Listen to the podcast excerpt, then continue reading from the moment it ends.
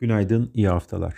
Global hisse senedi piyasaları geçen haftayı çoğunlukla değer kayıplarıyla kapatırken BIST 100 endeksi %2.4 oranında haftalık bazda değer kazandı.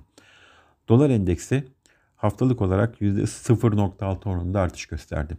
Birçok gelişmekte olan ülke para birimi değer kaybederken Türk lirasındaki hızlı değer kaybı geçen hafta devam etti. ABD 10 yıllık tahvil faizleri %1.41'e gerilerken Avrupa piyasalarında faizler yatay hareket etti.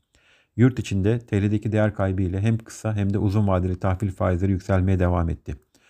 10 yıllık TL cinsi tahvilin bileşik faizi %22.60 seviyesinde. Artan Covid vakaları ve Fed'in geçtiğimiz hafta gerçekleşen toplantı sonrası genişleme para politikasının sonuna yaklaşılmasının etkisi e, bu sabah e, ABD vadeli endeksleri üzerinde negatif bir fiyatlamaya neden oluyor. Asya piyasaları da ABD vadeli endeksleri negatif görünümünü takip etmekte.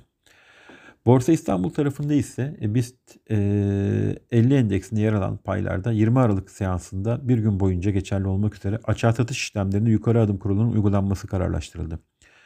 E, bugün yurt içinde merkezi yönetim borç toku verileri açıklanacak. Yurt dışında ise önemli bir veri akışı bulunmuyor. Borsa İstanbul'da yurt dışı piyasalara paralel kar satış eyleminin sürmesi beklenebilir. İyi günler, bereketli kazançlar.